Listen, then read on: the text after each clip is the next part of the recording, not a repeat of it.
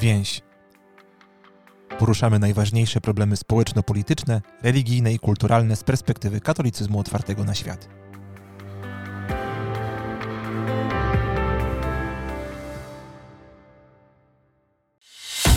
W podcaście Zrozumieć Więcej rzucam wyzwanie jednemu z największych paradoksów współczesności. Choć nigdy jeszcze dostęp do informacji nie był tak prosty, coraz trudniej jest dotrzeć do rzetelnej wiedzy. Zewsząd atakuje nas szum informacyjny pełen półprawd, postprawd i fake newsów. W moim podcaście spróbujemy razem przebić się przez ten szum. Zapraszam, Ewa Buczek.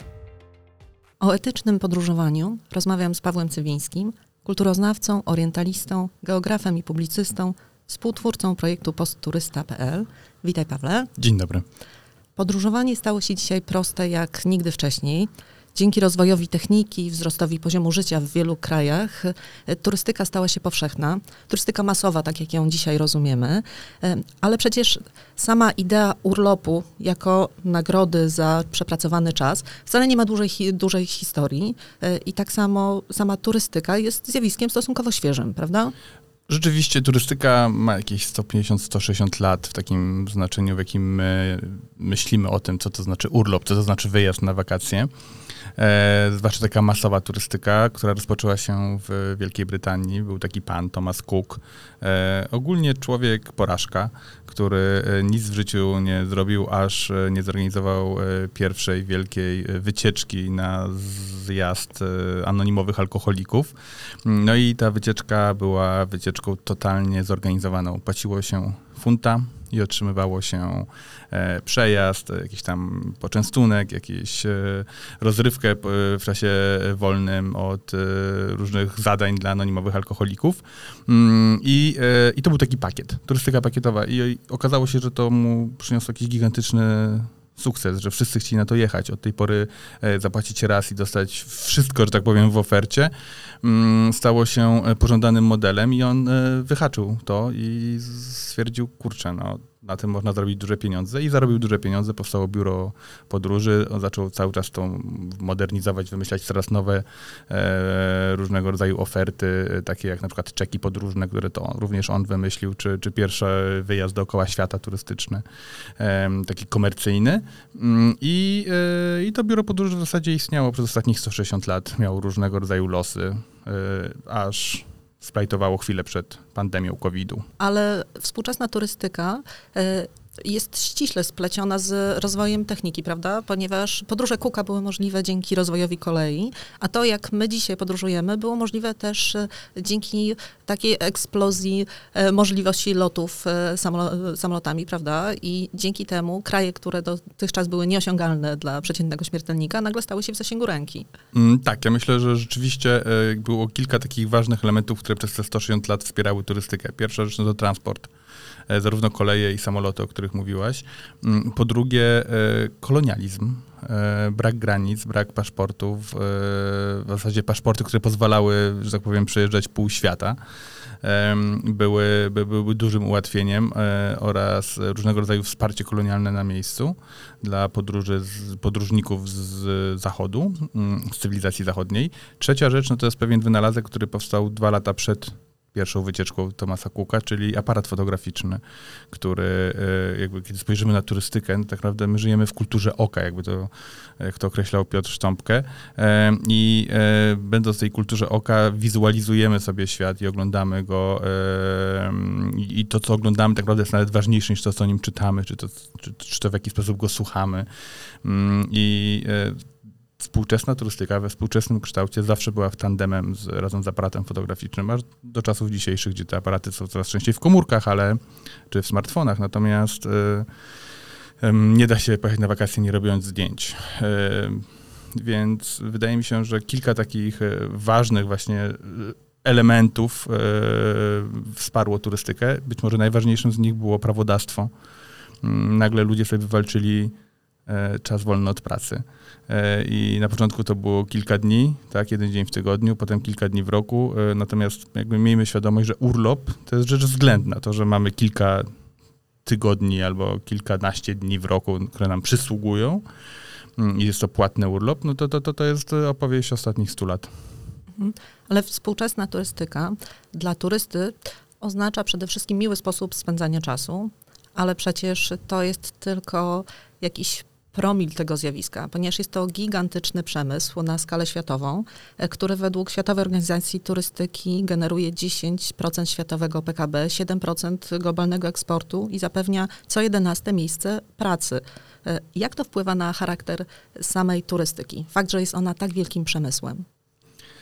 No, przede wszystkim e, musimy sobie zdać sprawę, że mm, turystyka jest pewnego rodzaju systemem, kiedy nazywam to system, to chodzi mi o to, że mamy do czynienia z mm, bardzo wieloma procesami, które są e, zunifikowane i połączone ze sobą. Są to procesy ekonomiczne, takie jak e, no chociażby właśnie transfery pomiędzy światem turystów a światem mieszkańców finansowe, mm, jak i e, różnego rodzaju symboliczne, kulturowe elementy, nie wiem, przykład rytuał targowania się. Tak, targowanie się już dzisiaj na świecie nie istnieje w zasadzie nigdzie poza światem turystycznym.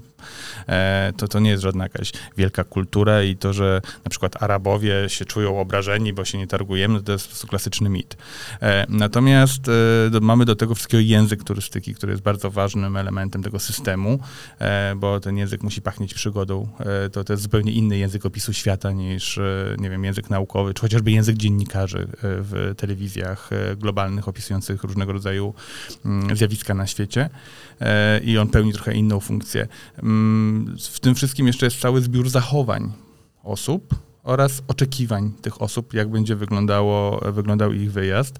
No, a wspólnym mianownikiem tego wszystkiego jest rzeczywiście pewnego rodzaju karnawał, odpoczynek, pewne oderwanie od rzeczywistości i takiej codzienności, która jest zazwyczaj czymś bardziej męczącym, bardziej e, regularnym niż nasze wyjazdy. W związku z tym, jadąc na wakacje, nagle wchodzimy w taki czas specjalny, w którym pozwalamy sobie na więcej, w którym jest nam e, w jakiś sposób wychodzimy ze swojej roli codziennej, tak? Wchodzimy w zupełnie inną funkcję i rolę. E, logujemy się właśnie do innego systemu. Również wartości, również e, sposobu myślenia o, o rzeczywistości, czy, mm, czy, naszych zachow- czy, czy, czy, czy naszych zachowań. Dla nas jest to odpoczynek, ale po drugiej stronie e, jest rzesza ludzi, które pracują na to, żebyśmy byli zadowoleni, żeby trafić w nasze e, upodobania, e, żeby wszystko wyglądało tak, jak turysta oczekuje, żeby wyglądało, ponieważ my mamy też już w tej chwili utrwalone przez po prostu miliony folderów, filmów reklamowych, gadżetów promocyjnych, pewne obrazy w głowie dotyczące zwłaszcza tych miejsc odległych, zagranicznych i ludzie, którzy mieszkają tam na miejscu w pewien sposób muszą się do tego dostosować, prawda? Oczywiście my, e, istnieje coś takiego jak turystyczna wyobraźnia. Kiedy my wybieramy się w jakąkolwiek podróż, tak naprawdę odbywamy dwie podróże jednocześnie. Pierwsza to jest taka fizyczna, kiedy e, pocimy się bez ciepła, albo jest nam, e, co czujemy jakieś zapachy, jedziemy tym pociągiem. Druga podróż odbywa się w naszej głowie mm, i ona w zasadzie polega na ciągłym zestawieniu tego, co widzimy i odczuwamy, z tym, co nam się wydawało, że będziemy odczuwać, tak? Z tym takim, z tym naszym przygotowaniem do tego wyjazdu i e, to, czy ten wyjazd potem był fajny, czy niefajny, udany, czy nieudany, e, to tak naprawdę jest e, raczej relacja tego, co widzimy wobec naszych oczekiwań, niż, niż jakiś fakt zastany, rzeczywisty. Mm, I to nam pokazuje, że ta nasza turystyczna wyobraźnia ma gigantyczną moc. Ona jest też kreowana od od zawsze przez różnego rodzaju, nazwijmy ich, narratorów, takich jak, nie wiem, przewodniki, jak jakieś filmy, jak e, szkoła, jak e, jakaś taka wiedza popularna, popkultura. No więc mamy bardzo wielu tych narratorów turystycznej wyobraźni, którzy nam tłumaczą co to jest Laos, gdzie jest Laos, co jest ciekawego w Laosie. O Laosie mało kto z nas wie, ale już pewnie o sąsiedniej Tajlandii jesteśmy w stanie powiedzieć. Z czymś nam się kojarzy, mamy jakieś skojarzenia, nie wiem, seks turystyka, buddyzm, e, plaże, mm, północna Tajlandia, czy taka bardziej górzysta. Coś tam widzimy, jakiś rodzaj architektury i chcemy potem zobaczyć tą architekturę. Mm, więc e, na tej turystycznej wyobraźni opiera się na przykład takie bardzo ważne zjawisko e, turystycznego spojrzenia. E, turystyczne spojrzenie polega na tym, że turyści nie patrzą na świat tak jak patrzą w czasie e, pobytu w swoim mieście, gdzie widzą wszystko, co się dzieje na przykład, tylko turyści wyszukują obrazy, które już wcześniej gdzieś rozpoznali, tak? Oni wartościują ten obraz przez to, co umieją rozpoznać, bo wcześniej zostało im to w jakiś sposób przedstawione, na przykład ta wieża Eiffla albo ta kamienica tutaj jest jakaś e, bardziej rozpoznawalna, bo na przykład e, jest powiązana z Wokulskim i Lalką i, i czy czymś się różni od 15 innych takich samych kamienic tej ulicy, w związku z tym oni więcej uwagi umieją odczytać tą kamienicę w inny sposób. No więc turystyczne spojrzenie to jest właśnie odszukiwanie różnego rodzaju skojarzeń, które my żeśmy widzieli mm, wcześniej, albo żeśmy zostali nauczeni widzieć wcześniej. No i ta turystyczna wyobraźnia jej największą mocą jest oczywiście to, że ona projektuje oczekiwania, a ktoś musi potem spełnić te oczekiwania, jeżeli chce zarobić, bo razem z naszą wyobraźnią idą nasze tłuste portfele i w tych tłustych portfelach jest mnóstwo zielonych pieniędzy i te zielone pieniądze tak naprawdę płacimy za to, co chcemy zobaczyć, a nie za to, co widzimy. Więc w zależności od tego, jak zaprojektowane są to nasze, nasza turystyczna wyobraźnia, zależy to, jak, jakie mamy oczekiwania i, i, czy potem jesteśmy skłonni za nie zapłacić, czy nie, bo jeżeli coś się nie wpisze w nasze oczekiwania, to ja nie widzę żadnego powodu, dlaczego miałbym za to płacić na przykład 20 dolarów więcej. Czy w tej sytuacji, gdy istnieją kraje i rejony, które są całkowicie uzależnione od turystyki, e, możemy jeszcze mówić, że to, czego e, w tych krajach doświadczamy, to, e, co o, o proponują nam mieszkańcy, rzeczywiście jest jeszcze prawdziwym obrazem ich życia? Czy mówimy tutaj o pewnym spektaklu, które, który musi się pojawić, ponieważ takie są oczekiwania turystów? Turystyka zawsze jest pewnego rodzaju spektaklem. W takim znaczeniu, że w ogóle jest taka duża teoria turystyczna hmm, McCannella o kulisach, e, która mówi, że przeciętne zjawisko turystyczne jest pewnego rodzaju inscenizacją. I specjalnie, tak jak e, czasami przyjeżdżają do nas goście do domu, to my specjalnie sprzątamy to mieszkanie, jakieś przygotowujemy je, tak, gotujemy specjalnego rodzaju e, dania. Mm, trochę podobnie to wygląda na skalę systemową w turystyce. Tak? Mamy pewne przestrzenie specjalnie przygotowane dla turystów, nie wiem, muzea, jakieś e, tortuary, główne ulice w mieście e, i tak dalej. Mm, kiedy mówimy o takim przygotowaniu, to na przykład o przygotowaniu tabliczek w językach turystów albo jakichś specjalnych miejsc, skąd lepiej widać. Mm, więc mamy do czynienia z gigantyczną inscenizacją, ale e, turyści jedną z takich takich największych marzeń, jednym z największych marzeń turystów jest zajrzeć za kulisy, e, dotrzeć do jakiejś prawdy, do jakiejś autentyczności, którą oni sobie definiują zazwyczaj jako mm, coś, co było, jako jakieś, tak, bo autentyczne nie jest to, co jest, tylko raczej co było i przetrwało. W, w turystyce jest to tak, w turyści tak to najczęściej definiują, tą autentyczność. E, I e, wydaje mi się, że mm, w związku z tym turystyka bardzo często pozwala zajrzeć za kulisy ale te kulisy też często są inscenizowane, tak? Ten proces zaglądania za kulisy, czyli niby możemy tutaj, jak jesteśmy nie wiem, w jakiejś turystycznej restauracji, zajrzeć, jak tam się robi tą pizzę za szybą, ale ta szyba jest specjalnie po to, żebyśmy właśnie mogli zajrzeć. Więc jest to pewnego rodzaju inscenizacja. No, się tworzy kulisy do kulis, potem kulisy do kulis, do kulis, do kulis i tak to, mm, tak to, tak to działa w, w, w turystyce yy, i wydaje mi się, że to jest jeden z najważniejszych tak naprawdę mechanizmów, które pozwalają lokalnym mieszkańcom e, z jednej strony sterować ruchem turystycznym, z drugiej strony zarabiać, czyli właśnie inscenizacja oraz inscenizacja kulis.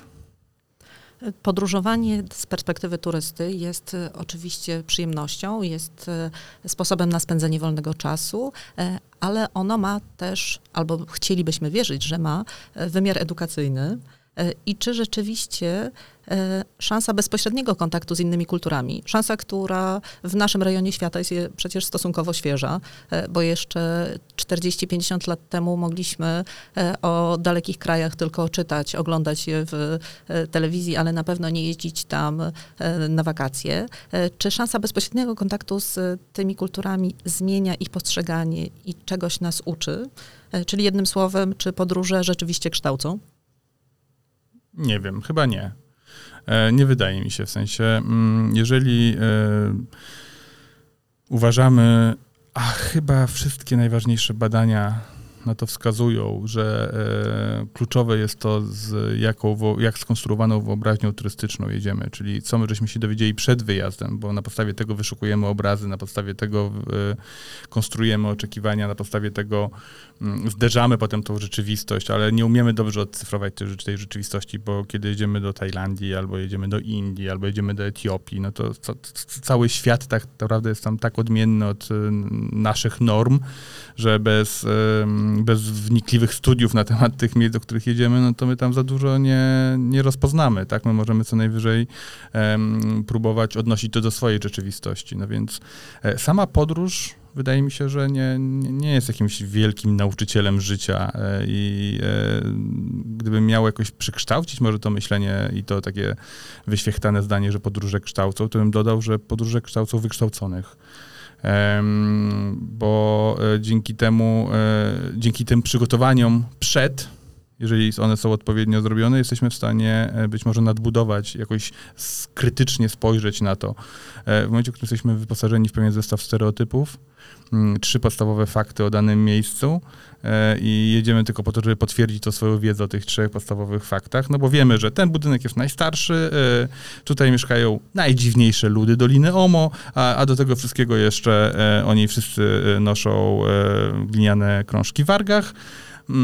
No to ja nie, nie, mogę powiedzieć, że to jest jakiś wielki proces kształcenia. To jest raczej że tak powiem, oglądactwo. No, a oglądactwo, no nie wiem, czy, chodzenie nas po ulicy nas kształci. No nie, nie, nie, chodzimy po warszawskich ulicach, raczej się nie, nie dokształcamy. No to się niczym nie różni od chodzenia po ulicach Addis Abeby, jeżeli nie mamy tego backgroundu. W związku z tym, moim zdaniem, nie. Podróżowanie nie kształci. Wiem, że to jest kontrowersyjna teza, ale ja bym raczej może rozwijać nas w innych jakichś e, płaszczyznach, nie wiem, wrażliwości, czegokolwiek, ale nie w, w kształceniu.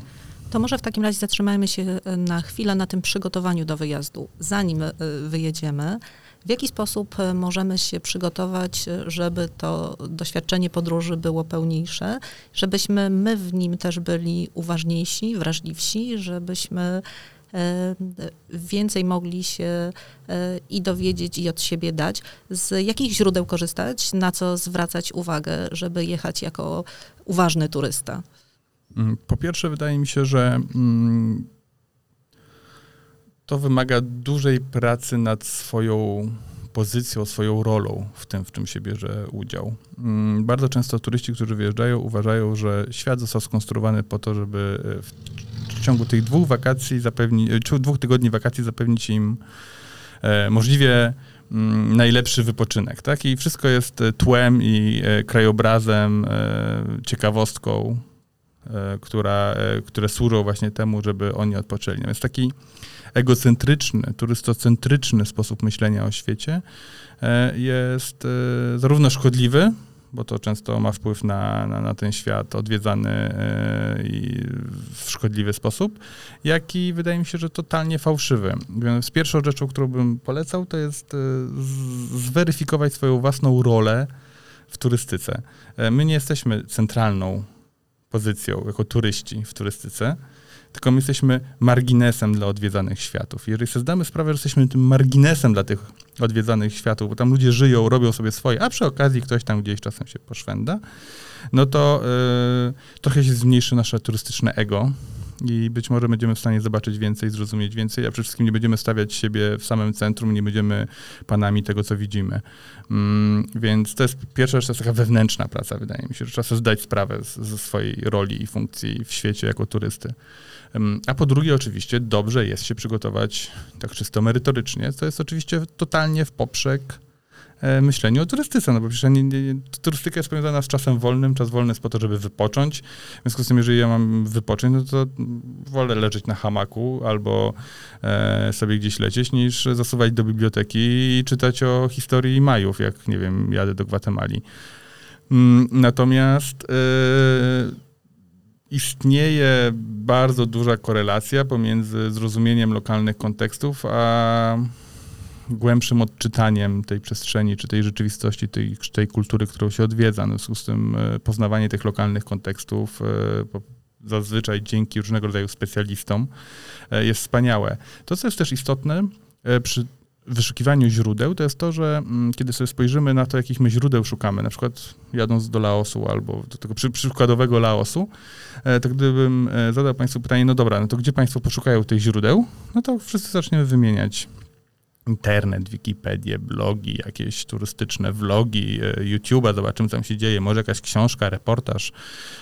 To wszystko to są źródła e, nasze, napisane przez e, mieszkańców globalnej północy, czasami często w ogóle tylko przez Polaków stworzone.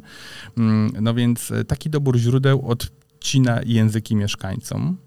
I mieszkańcy sami o sobie nie mogą mówić, sami o sobie nie, nie projektują tej naszej turystycznej wyobraźni. W związku z tym warto zwrócić uwagę na to, żeby wśród tych różnych źródeł, z których korzystamy, były również źródła wiedzy tworzone przez mieszkańców miejsc, do których jedziemy, bo mm, z takiego już nawet czysto etycznego punktu widzenia każdy powinien mieć prawo mówić swoim głosem o swoim świecie. Jeżeli my z jakiegoś powodu ten jakby ucinamy te języki i sprawiamy, że ten głos e, nie wybrzmiewa, no to, e, to na poziomie takim symbolicznym trochę go wykluczamy.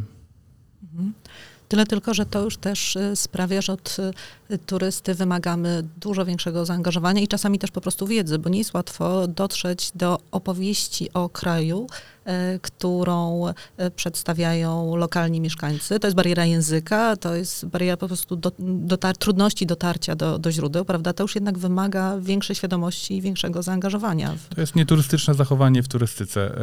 W związku z tym, jeżeli mamy do czynienia z takimi nieturystycznymi zachowaniami, czy kontrturystycznymi wręcz, tak, czyli no to y, możemy bardzo szybko zauważyć, że ten system, o którym mówiłem, turystyka jako system, w jakiś sposób utrudnia, wyklucza, nie jest jakby standardowo nie, e, nie, nie, nie, nie, nie, nie wprowadza tego typu zachowań, bo to nie o to, nie o to w tym wszystkim chodzi. Turystyka jest po to, żeby spełnić oczekiwania turystów, żeby pozwolić mu takiemu turyście miło spędzić czas. E, wszystkie e, rzeczy, o których my mówimy, są zachowaniami kontrturystycznymi e, i przez to są albo na marginesie turystyki, albo wręcz wymierzone w turystykę i wymierzone w główne mity tej turystyki, w główny język opowieści mm, o świecie. I tak jakby, może o tym języku troszeczkę powiem. To jest jakby dobry przykład. My tak naprawdę w turystyce głównie skupiamy się na tym, żeby przeżyć pewnego rodzaju przygodę. Kategoria przygody, sposób myślenia o przygodzie jest e, po pierwsze totalnie europocentryczny, a po drugie powstał jako, jako to, co to jest to, to przygoda, no to powstało w czasach kolonialnych, tak? Kiedy sobie myślimy przygoda, no to widzimy e, Stasia w pustyni, w puszczy, czy nie wiem, Indiana Jonesa, czy jakiegoś innego zazwyczaj e, w średniej wieku anglosaskiego mężczyznę całkiem zasobnym portfelu i wybujałej wyobraźni, który realizuje swoje plany i czuje się panem świata. E, no i tak z grubsza wyglądała przygoda w źródłach e, literackich, czy filmach, czy w popkulturze. Mm, w związku z tym, jeżeli my jedziemy sobie gdzieś do tej Etiopii, czy do tego Laosu, no to my marzymy o tym, żeby zreprodukować jakiegoś, jakąś chociaż namiastkę takiej przygody. No więc ta przygoda opisana takim, a nie innym językiem, często jeszcze pochodzącym z, ze świata kolonialnego, e, jest, e, jest tym, o czym marzymy, jest tym naszym oczekiwaniem, e, ale wymusza na mieszkańcach dostosowanie się do tego naszego ideału, tego archetypu tej przygody mm, i tym samym jest jakimś rodzaju reprodukcją, pomostem pomiędzy tym światem kolonialnym, a światem rzeczywistym na poziomie wyobrażeniowym. Dlatego, kiedy jeździ się po Afryce, to się widzi wszędzie miłych starszych albo młodszych panów w wiktoriańskich spodniach w kancik, w kapelusikach, hełmach. Tak, znaczy jakby to jest standard, że, jak się, że, że wiele ludzi, którzy nagle jadą, nie wiem, do Egiptu, no to postanawiają sobie e, ubrać się w jakieś takie właśnie bardziej, bardziej wiktoriańskie stroje niż dzisiejsze, no, e, dlatego, że oni reprodukują pewnego rodzaju swoje myślenie o tym, tak, albo kiedy jedziemy na Napurnę do Nepalu, na ABC Camp, no to standardem całkowitym jest to, że wynajmujemy porterów, szerpów. My sobie nie będziemy nosić plecaków, tylko będą za, tak, za, za, zamiast nas nosić to e, porterzy. No ja rozumiem, kiedy się wchodzi na szczyt, no to, to, to jest zupełnie inna opowieść. Jak się wchodzi na ABC, czyli e, Annapurna Base Camp albo inne, inne base campy w wysokich Himalajach, Mm, no to, to powiedzmy sobie szczerze, no to, to jest normalna, normalne wyjście w góry, e, gdzie można sobie nosić swój plecak. I kiedy idziemy w Alpy, to nikt w życiu by nie pomyślał, że sobie wynajmiemy portera, tak, albo innego jakiegoś szerpę. A nagle w Nepalu to jest w ogóle czysty standard. E, każda wycieczka w góry, nawet 4 godziny, no to mamy za sobą armię szerpów. E, to jest reprodukowanie pewnego rodzaju mitu kolonialnego i tego, jak pachnie przygoda. I my, jadąc w ten daleki świat, chcemy tą przygodę e, dziabnąć mm, i chcemy w jakiś sposób ją zreprodukować. Chcemy się troszeczkę przenieść do tego świata, świata przygód sprzed 100 lat czy 200 lat. Ale ty mówisz o przygodzie, a mi przypomina twoja opowieść pewne zjawisko, o którym się dowiedziałam zaledwie parę miesięcy e, temu z e, filmu na e, YouTubie, który zamieściła Kaja Kraska, podróżniczka, która tworzy kanał Globstory.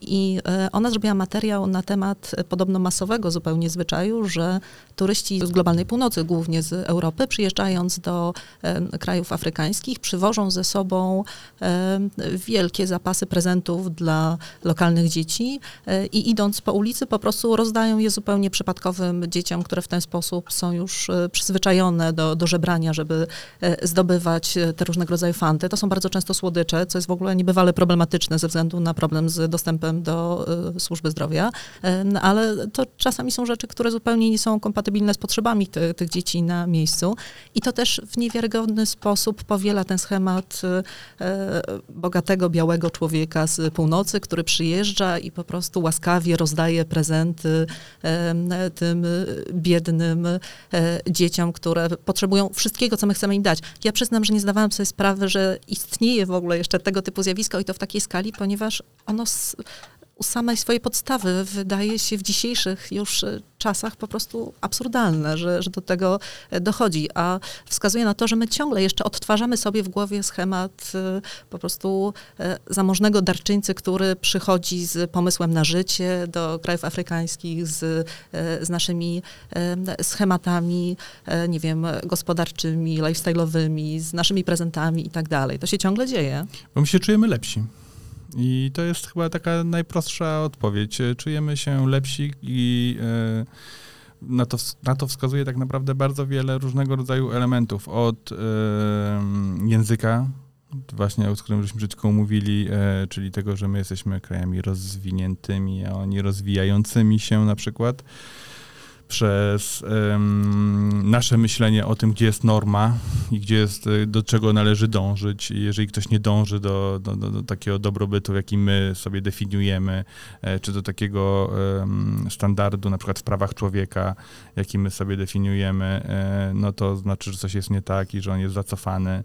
E, to widać również na poziomie e, takich kategorii jak e, szczęście. My uważamy, że tak jak my sobie definiujemy szczęście, no to to jest jakiś e, cel, że tak powiem, e, do którego ludzie powinni dążyć. No wiadomo, że, różne, że jakby szczęście jest strasznie mm, podatne na różnego rodzaju kulturowe mm, wpływy i, i, różnie jest definiowane w różnych miejscach przez różnych ludzi, w różnych klasach społecznych, y, również w różnych odsłonach genderowych. Mm, więc y, ten egocentryzm, europocentryzm, etnocentryzm, E, który jest też właściwy dla kultury Zachodu. E, dlatego, że my żeśmy przez kilkaset lat zostaliśmy wychowani tak naprawdę w poczuciu bycia mm, e, imperium globalnym. I na to się oczywiście nakłada jeszcze bardzo wiele różnych innych czynników związanych, nie wiem, z kapitałem białej skóry, czy z zjawiskami e, czysto ekonomicznymi. To, że mm, żyjemy w bogatszym świecie, wydaje nam się, że potwierdza to naszą wyższość. Moim zdaniem to bardziej potwierdza 300 lat wyzysku, ale e, jakby już wtórne, wtórne o to. Natomiast e, wie, wiele rzeczy mm, gdzieś symbolicznie potwierdza nam to, że jesteśmy lepsi czujemy się lepsi. No i potem, kiedy jedziemy na wakacje, no to albo w takiej misji białego człowieka, albo w jakimś takim zadufaniu sobie dajemy sobie prawo do tego, żeby e, albo bardzo mocno oceniać, albo wręcz ingerować w ten świat lokalny. E, to świetnie widać na przykładzie wolonturystyki na przykład. Tak, wolonturystyka to jest taki rodzaj turystyki, w której zazwyczaj młodzi ludzie e, wyjeżdżają na 2-3 miesiące gdzieś zbawić świat. E, płacą za to ciężkie pieniądze, bo pośrednik zazwyczaj jest po prostu prywatną firmą, w związku z tym ta firma trochę tak na zasadzie all inclusive organizuje przelot, przejazd, jakieś tam wyżywienie i tak dalej, a w tym czasie ten młody człowiek może sobie mm, pracować w domu dziecka albo w jakimś tam, nie wiem, klinice i pomagać w Afryce czy w Azji, no na litość boską. 18-19-letni człowiek, e, jakie ma doświadczenie, jakie ma kompetencje, żeby pracować z sierotami w sierocińcach, przyjeżdża na trzy tygodnie, potem wyjeżdża, reprodukując wśród tych dzieci cały czas ten syndrom odrzucenia i do tego wszystkiego jeszcze płaci za to pieniądze tak duże, że gdyby nie wyjechał, ale zapłacił te pieniądze na konto tego sierocińca, to można by, kurczę, podnieść mm, standard tego sierocińca w ciągu pół roku o 7 gwiazdek. No nie, no to jakby cały ten system służy po to, żeby ten młody człowiek odbył swoją przygodę, swoją inicjację, żeby się dobrze czuł. Cały ten system jest tak skonstruowany, żeby spełniać oczekiwania tego młodego człowieka. E, I to, że przy okazji trochę pomoże tym dzieciom, a trochę zaszkodzi, to jest wtórne, bo ja mu się wmawia, że on ma kompetencje w wieku tych 18-19 lat, żeby jechać na koniec świata i zajmować się tymi dziećmi. Kto w Polsce dopuściłby jako opiekunów 18-latków bez wykształcenia pedagogicznego, specjalistycznego do pracy z e, trudnymi przypadkami w Polsce do sierocińców. No nikt by tego nie zrobił, tak? Natomiast uważamy, że w takim Laosie i, czy Etiopii, o których tutaj mówię jako takich totalnych przykładach, e, no to w ogóle jest standard, bo tylko dlatego, że my pochodzimy z lepszego świata, mamy, nie wiem, biały kolor skóry, e, nie wiem, lepszą edukację, bo tak nam się wydaje, że mamy ją lepszą, bo jakieś rankingi tak mówią. E, mamy prawo jechać tam i, i zbawiać ten świat. No więc jest to, to poczucie wyższości jest y, typowe dla turystów, a zarazem strasznie paskudne. No to porozmawiajmy na koniec w takim razie jeszcze chwilę o tym, w jaki sposób podróżować, ponieważ E, dosyć dużo już się mówi o tym, że przecież e, masowa turystyka ma swoją ciemną stronę w wielu różnych e, wymiarach. No wspomnijmy chociażby wyniszczenie przyrody lokalnej, czy, czy też to, jak strasznie duży ślad węglowy zostawiają za sobą wszystkie te wielkie samoloty, które wożą turystów przez cały rok. Tylko czy podróżowanie z e, plecakiem, stopem, w pojedynkę, spanie w hostelach. E, e, czy to ma być odpowiedź, czy to rzeczywiście jest najlepszy sposób na turystykę? Jak podróżować, żeby jak najmniej szkodzić lokalnym mieszkańcom, e, e, przyrodzie, klimatowi. Jakie podróżowanie jest najlepsze? No tutaj pewnie obrażą się wszyscy podróżnicy, czy ci, co uważają siebie za podróżników, e, którzy biegają z plecakami po świecie, bo ja uważam, że oni są po prostu szturmowymi oddziałami masowej turystyki. No jakby to nie widzę większej różnicy pomiędzy e, siedmioma zorganizowanymi autokarami Japończyków, e, a e, mm, siedmiu tysiącami pojedynczych jednostek z plecakami. No, w sensie naprawdę nie jest taka wielka różnica. Mm, wydaje mi się, że problemem jest może inaczej. Mm, w czasie COVID-u robiono badania w Tatrach, w Tatrzańskim Parku Narodowym e, na temat tego, co się dzieje, kiedy zamknięto parki. Bo gdzieś tam w tej pierwszym etapie COVID-u i pandemii był taki moment, że tam chyba nie wiem, dwa czy trzy miesiące zamknięto parki narodowe w tym kraju. Zresztą to była wielka wokół tego afera i wiele osób cierpiało. Natomiast nagle okazało się, że przyroda odżyła, że kozice e, zaczęły chętniej uprawiać seks, że e, to, co te, te miejsca, w których wydawało się, że już nic nigdy nie wyrośnie, nagle zaczynało coś rosnąć. I e, to był jeden z najszczęśliwszych pewnie dla tej przyrody sezonów, tak? To ta nasza pandemia w Tatrzańskim Parku Narodowym. Mm, a pamiętajmy, że w Tatrzańskim Parku Narodowym jednak to jest wyższy rodzaj turystyki, tak? Jakiś fizyczny, raczej indywidualna turystyka, tak? No więc e, po pierwsze, każda turystyka ma wpływ. Ten wpływ może być pozytywny, może być negatywny. Ten wpływ zazwyczaj jest negatywny, mimo że może być pozytywny. To jest jakby taki warunek sine qua non, żeby w ogóle zrozumieć, mm, o co chodzi e, w rzeczywistości. Jeżeli chodzi o przyrodę, no to e, siłą rzeczy każdy przybytek, w którym się zatrzymujemy, musi użyć więcej różnego rodzaju wody, e, prądu, gazu, jeżeli się w nim zatrzymujemy, dlatego że na przykład śpimy tam tylko jeden dzień, a trzeba w jakiś sposób wybrać te prześcieradła. Obojętnie, czy to jest wielki hotel all inclusive, czy to jest mały hostel. Wielki hotel all inclusive tym się może różni, tylko że on został zaprojektowany dla turystów. W związku z tym od początku było wiadomo, że tam będzie 250 turystów jednorazowo i ani jednego więcej.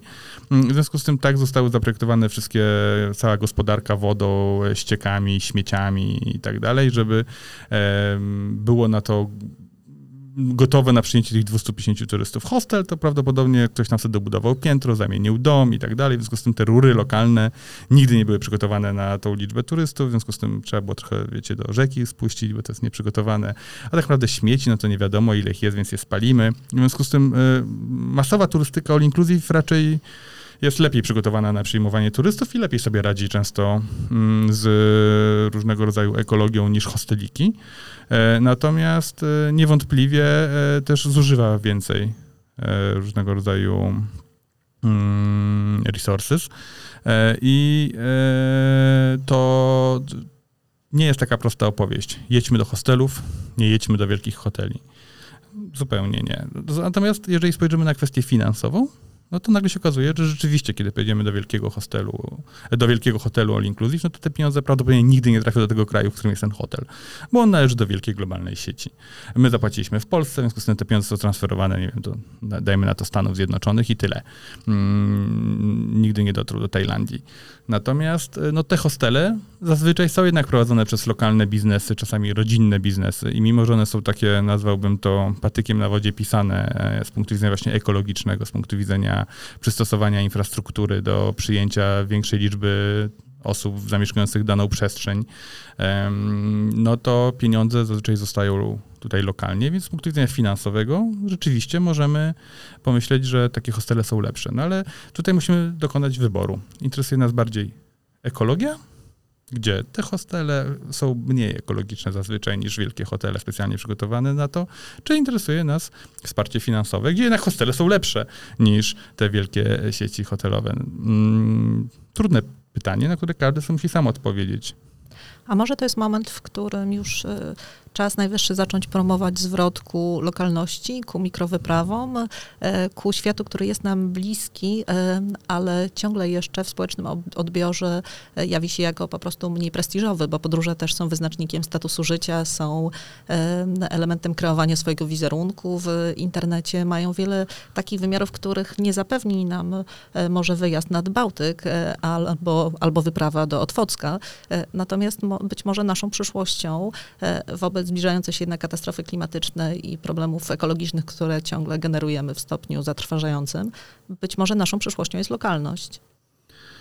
Może być taką przyszłością, ale nie wydaje mi się, że to była odpowiedź na e, potrzeby turystów. Mm, tak, jeżeli my, turystyczna wyobraźnia jest zaprojektowana w taki sposób, żeby e, poprzez to, gdzie jadę i w jaki sposób podróżuję, móc zbudować swój status społeczny. E, w związku z tym, jeżeli w szeroko rozumianym e, odbiorze klasy średniej albo klasy średniej aspirującej jest e, wypełnianie swojego rodzaju, różnego rodzaju potrzeb, czy to właśnie takich związanych z przygodami, czy to z pobytami w dalekich miejscach, a tak jest i tak jest od dekad, E, no to e, i poznawanie świata, tak, bo klasa średnia, ona tutaj czuje, że ona musi, musi poznawać, mm, no to nie wydaje mi się, żeby ten wyjazd do Pucka e, był tak samo wartościowany jak wyjazd do Addis Abeby albo do, do Bangkoku. Mm, natomiast ja ostatnio coraz mocniej przekonuje się do tego, że turystyka po prostu musi zostać bardzo mocno regulowana, tak? wzięta przez regulatorów, mówiąc kolokwialnie, za pysk. Mm, są kraje, które to robią, na przykład Egipt, który tak kieruje ruchem turystycznym, że w zasadzie turystów mamy w tej chwili tylko w dwóch miejscach, na Półwyspie Synaj oraz na e, wybrzeżu e, tam w okolicach Marsa Alam nigdzie indziej się nie wpuszcza turystów. W sensie nie, nie, nie, nie pozwala się na hotele, nie, nie projektuje się. Są jakieś takie punktowe jeszcze miejsca gdzieś nad Nilem, ale tak samo Tajlandia. Tajlandia zamyka wyspy konkretne, tak? Po prostu jest zakaz wjazdu turystów. Um, Bhutan jest takim przykładem, gdzie w ogóle jest bardzo mocno kontrolowany ruch turystyczny, jest bardzo drogi i nie wolno wchodzić ze szlaków. Um, więc ja coraz mocniej mam takie wrażenie, że jeżeli mamy do czynienia z miliardem 400 milionami podróży zagranicznych, turystycznych rocznie, to e, oczywiście wspaniale jest edukować ludzi, uwrażliwiać, pokazywać różnego rodzaju dobre zachowania, ale jednak o wiele łatwiej jest zakazać. Ja bym zakazywał, e, ratuj, ratujmy świat poprzez zakaz rozprzestrzeniania się turystyki w niektórych miejscach, które są wrażliwe. Bo to jest, e, oczywiście możemy się śmiać, że czasem e, to, to może być za mocne, tak, ale no w przypadku, e, dajmy na to, e, źródeł Gangesu, każde 100 osób dziennie, które wejdzie na lodowiec, e, który jest nad źródłami Gangesu, powoduje szybsze, e, szybszy, szy, szy, że tak powiem, przyspiesza procesy zakończenia życia się ty, tych wszystkich lodowców tamtejszych, co z kolei wpływa bardzo mocno na Ganges, a jak wiadomo Ganges jest taką rzeką, która dostarcza wodę pół miliarda ludzi na tej świecie. W związku z tym to jest żywotny interes tego pół miliarda ludzi, żeby tych kilkuset turystów jednak dziennie nie chodziło. W związku z tym trzeba ograniczyć. Jeżeli już musisz pójść i zobaczyć te źródło tej rzeki, no to wpuszczamy tam 100 osób dziennie, a nie 1000 osób dziennie. Trzeba zatrzymać, zablokować. Tak samo jak się w świątyniach na przykład nie wpuszcza turystów w czasie mszy. No to ja nie widzę żadnego powodu, czemu mielibyśmy em, nie potraktować całego naszego świata jako świątynię. Dziękuję Ci bardzo. O etycznym podróżowaniu rozmawiałam z Pawłem Cywińskim, kulturoznawcą, orientalistą, geografem i publicystą, współtwórcą projektu postturysta.pl, który gorąco Państwu polecam. Do usłyszenia.